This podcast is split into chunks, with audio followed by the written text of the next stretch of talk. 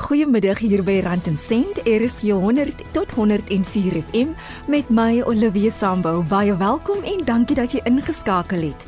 Jy kan ook inskakel op die DStv kanaal 813 of aanlyn luister by www.rsg.co.za waar jy ook die program kan aflaai deur die potgooi skakel te volg.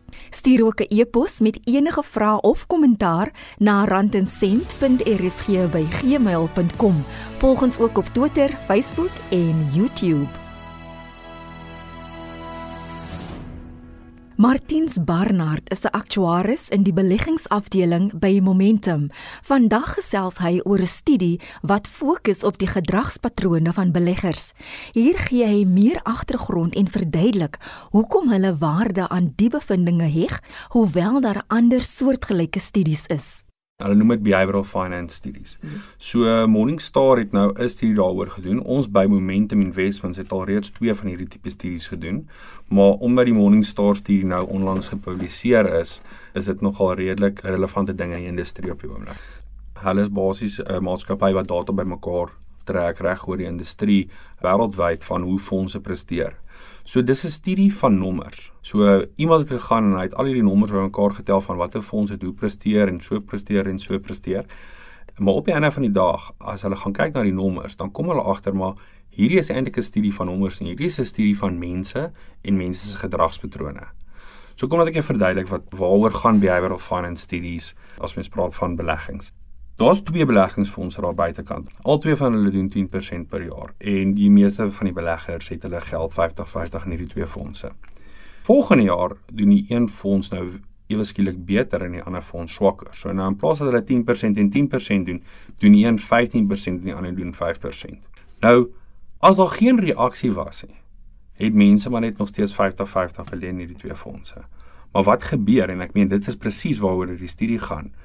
Mense gaan en sê vir hulle self, weet jy wat, hierdie een fonds begin nou beter te doen. Moet ek nie meer van my geld in daai fonds insit nie? En hy praat met sy vriende wat nuwe beleggings wil doen. Sê maar nee, vergeet van fonds B, fonds A is waarmee jy wees. Kyk hoe presteer hierdie fonds. En nou ewe skielik nou 'n jaar later nadat die fonds 15% gedoen het. Nou ewe skielik is 70% van die beleggings in daai fonds. En oor die volgende jaar nou draai dit om. Nou doen fonds A 5 en fonds B doen 15%. So as almal net gebly doen het wat hulle gedoen het van die begin af en by hulle plan gehou het van 50-50, het almal 10% gekry.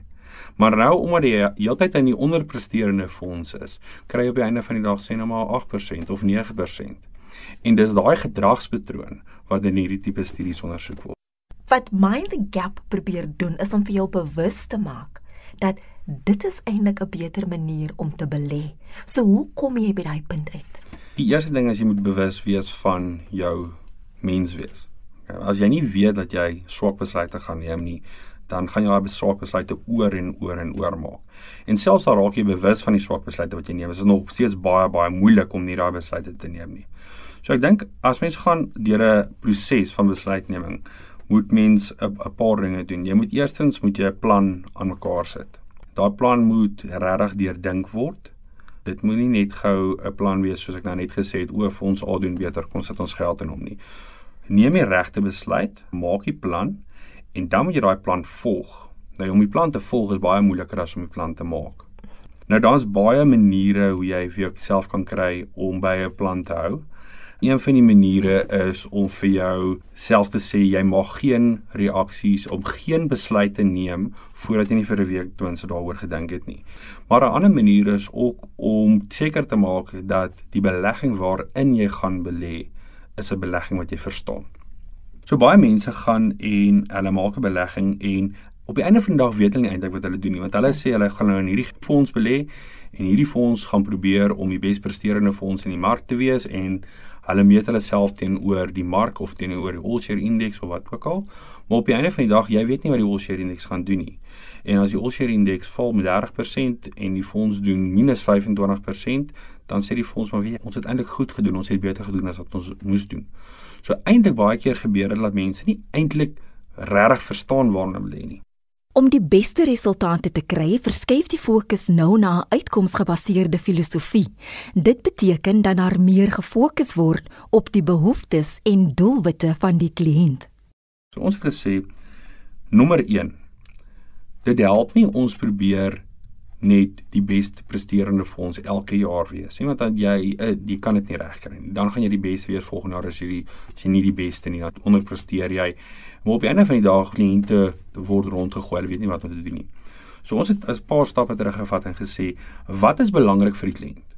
As dit lê sy finansiële adviseur sit, dan gaan sy finansiële adviseur teen teenoor hom sê, "Wie as ek na jou somme kyk, jy gaan soveel belê, jy het soveel nodig. Jy het 'n opbrengs nodig byvoorbeeld van inflasie plus 6%." So hoekom maak ons nie ons maatstawwe binne in ons fondse iets wat relevant is vir die kliënt nie? Soos byvoorbeeld inflasie plus 6.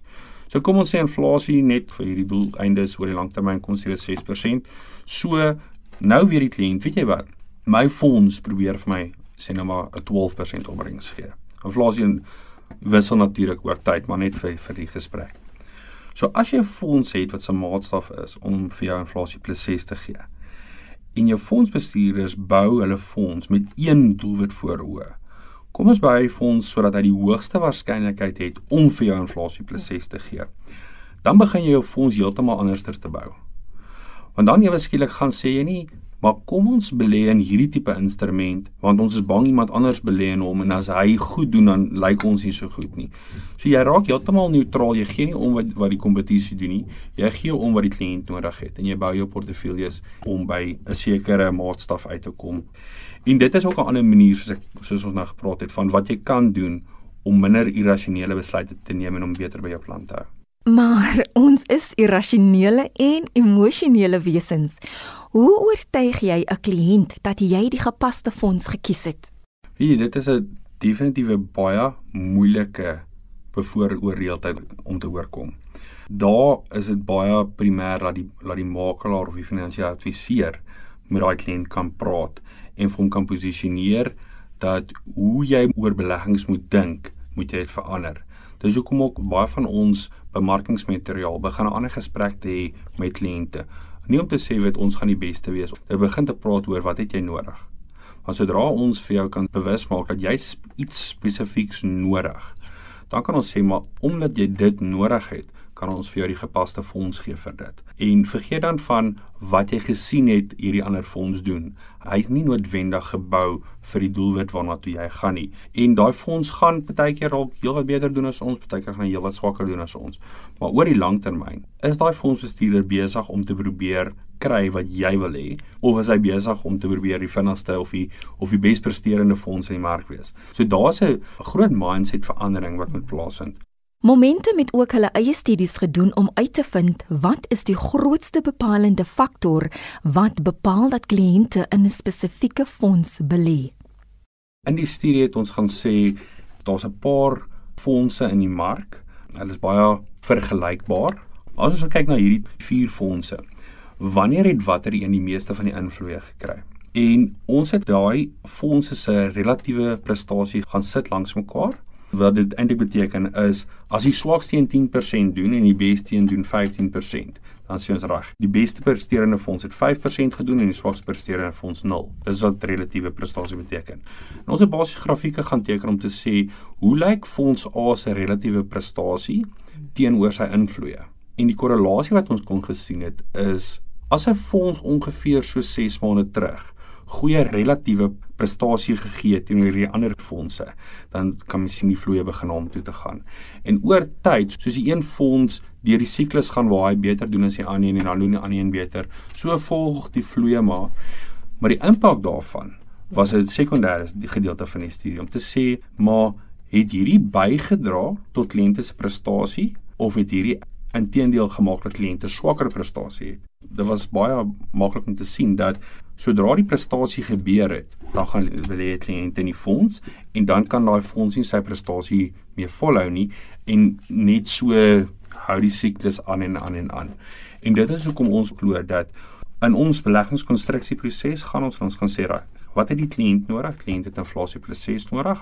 Kom ons doen die regte diversifikasie in die bateklas samestelling, genoeg aandele, genoeg eiendom, genoeg staatseffekte, genoeg internasionale aandele ensovoorts om by 'n goeie waarskynlikheid te, kom dat hierdie kliënt by sy opbrengs sal kan uitkom en dan gaan ons gaan vat van die bestuurders in die industrie, selfs kompeterende fondsbestuurders waar ons nie voel ons is die sterkste in die mark nie, gebruik ons van hulle en ons begin verskillende style aan mekaar te sit om daai waarskynlikheid om by die kliënt se doelwit uit te kom nog te verhoog. So gesels Martiens Barnard, aktuaris by Momentum. Die nuutste syfers toon dat die ekonomie met 3.1% gegroei het in die tweede kwartaal van die jaar.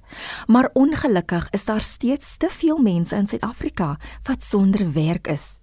En vir talle wat wel werk, lyk dit soms asof geld vlekkies gegroei het en baie ver weggevlieg het. En wanneer die skoen finansiëel druk of as jy jou werk verloor het, is versekerings die eerste uitgawe wat die trekpas kry. Eugene Antak en Henry de Klerk van Ultima Finansiële Dienste moedig mense egter aan om steeds versekerings te probeer betaal. Een ding is om jou skuldeisers moontlik te nader en reëlings met hulle te tref. Die ander ding is kyk na jou mediese plan en oorweeg om 'n aanpassing te doen, spaar of 'n nette hospitaalplan en ook wat jou versekerings aanbetref, moet dit nie net los nie want as jy later weer aansoek doen, gaan jou premies moontlik hoër wees en dan kan daar onderskrywing wees. Met ander woorde, jy moet nou weer gaan vir mediese toetse kontak die versekeraar, hoor wat mm. is die opsies? Van die ehm um, versekeraars bied 'n vakansie tipe opsie wat 'n ou mee kan werk vir 'n tyd wat die kontantvloei baie druk is. So gaan gesels. Dis glad nie 'n goeie idee. Ek stem saam met jou Jean om jou versekerings net te los nie.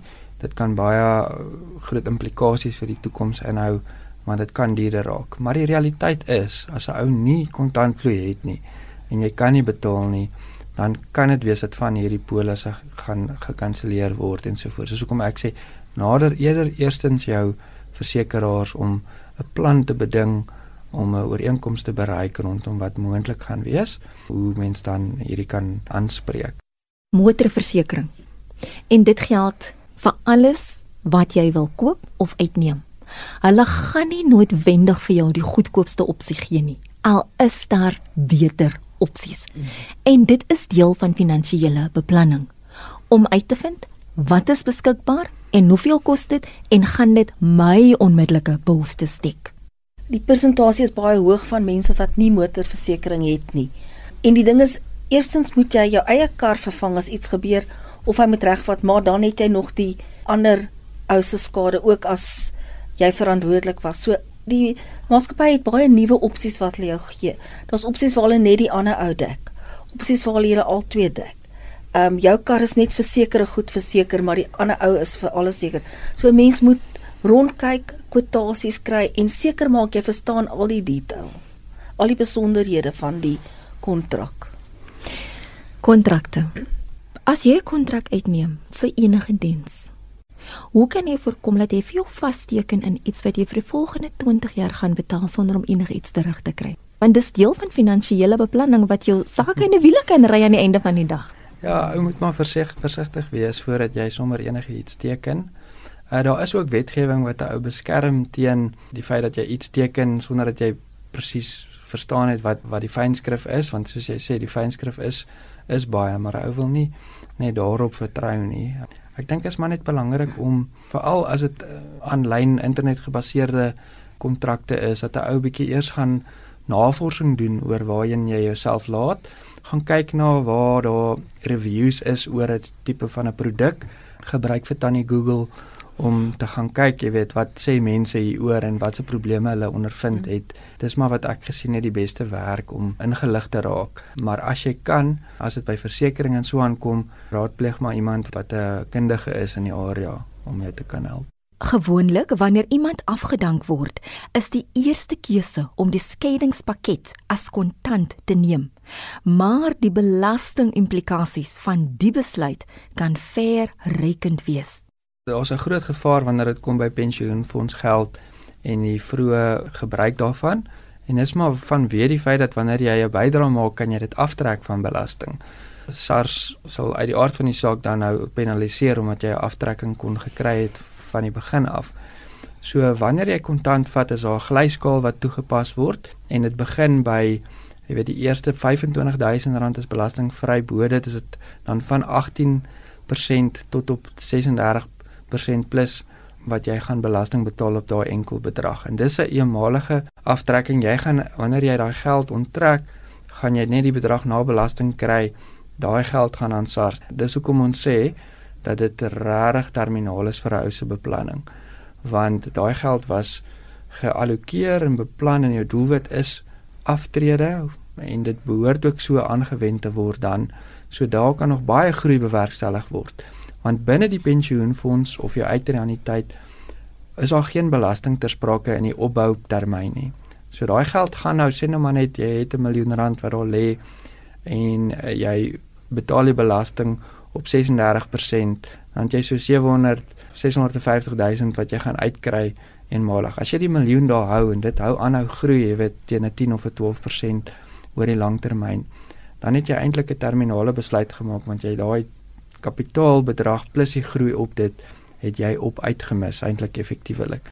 By aftrede word jy weer gepenaliseer. Want ek bedoel as 'n ou hoor ek kan 700 000 rand kry, great. Dit klink goed soos jy sê. Dit hmm. klink nie sleg nie. Maar jy besef nie jy het eintlik daai 350 300 000 rand afgestaande belasting wat jou groei binne die fonds oor 'n lang tydperk baie sleg gaan beïnvloed. Alhoewel daar in aftrede uiteindelik belasting gaan wees, word dit baie meer versprei oor tyd omdat jy soos wat jy die inkomste neem, bietjie belasting gaan betaal en die persentasies behoort dan ook anders te lyk. Wees ook ingelig oor die fooie wat jy betaal. Veral vir persone wat glad nie advies kry by 'n adviseur nie, want dis moontlik dat jy dalk 'n advies kan fooi kan betaal, maar jy kry nie regtig advies nie en dit is nou nie 'n ideale situasie nie. So gaan kyk. Tipies is fooie word dit opgedeel in drie gedeeltes. Jy kry 'n batebestuur fooi binne belegging, kry 'n administrasie fooi en dan kry jy die advies fooi. So gaan kyk op elkeen van daai drie wat is jou persentasies. En ek wil amper al sê dat as jy kombinasie van die 3 oor 3% is, dan betaal jy te veel aan fooie en dan kan dit jou beplanning negatief raak. Veral as jy glad nie advies kry nie. Ek wil amper al sê as jy nie advies kry nie, dan kan dit half nie bo 2% wees nie, maar 2 tot 3% nie meer as dit regtig nie en dit is op jou batewaarde uit die aard van die saak.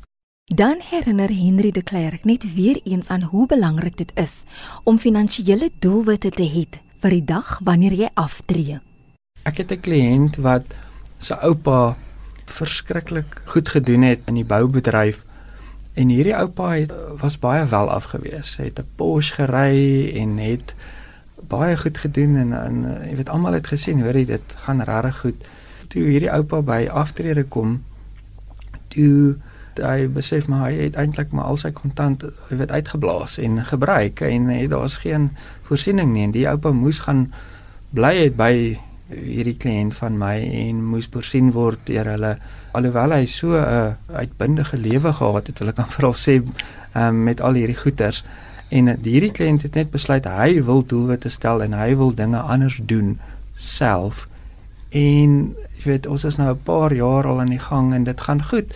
En dit gee ou geleentheid om daai doelwitte te bereik want hy het gesien hoe is dit as 'n ou nie daai doelwitte in plek stel nie. Dit was Hendrik de Klerk van Altima Finansiële Dienste. En jy het geluister na Rand en Sent RSG 100 tot 104 FM. Jy kan die program aflaai deur die potgooi skakel te volg op www.rsg.co.za. En as jy enige vrae oor die program of vir die gaste het, stuur gerus 'n e-pos na randensent.rsg@gmail.com. Vandag se program word weer Woensdagoggend om 04:30 herhaal. Dis tot sins van my Olivia Sambo hier op Rand en Sent, RSG 100 tot 104 FM.